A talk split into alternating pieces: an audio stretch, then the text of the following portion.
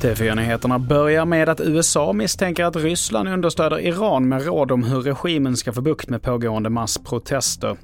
Ryssland kan enligt Vita huset dela med sig av sina omfattande erfarenheter i att kväsa oppositionen. Vita husets säkerhetsråd upprepar samtidigt anklagelserna om att iransk personal befinner sig på Krimhalvön för att understödja rysk militär.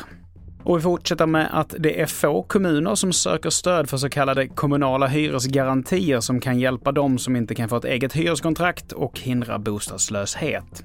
Det visar siffror som TV4-nyheterna har tagit del av. Totalt har drygt 2000 personer fått hjälp med boende under de senaste 15 åren, trots att tiotusentals bedöms vara i behov av det. Och så här säger Pernilla Parding som är ansvarig för socialt hållbara bostäder på Stockholms Stadsmission. Jag tänker att det är anmärkningsvärt att ett så så bra, konkret och, och befintligt verktyg för att bekämpa bostadslöshet och hemlöshet är så underutnyttjat. Och till sist, Unesco har nu med hjälp av satellitbilder granskat förstörelsen av Ukrainas kulturarv efter den pågående ryska invasionen. Och totalt så har 207 platser fått skador eller helt förstörts.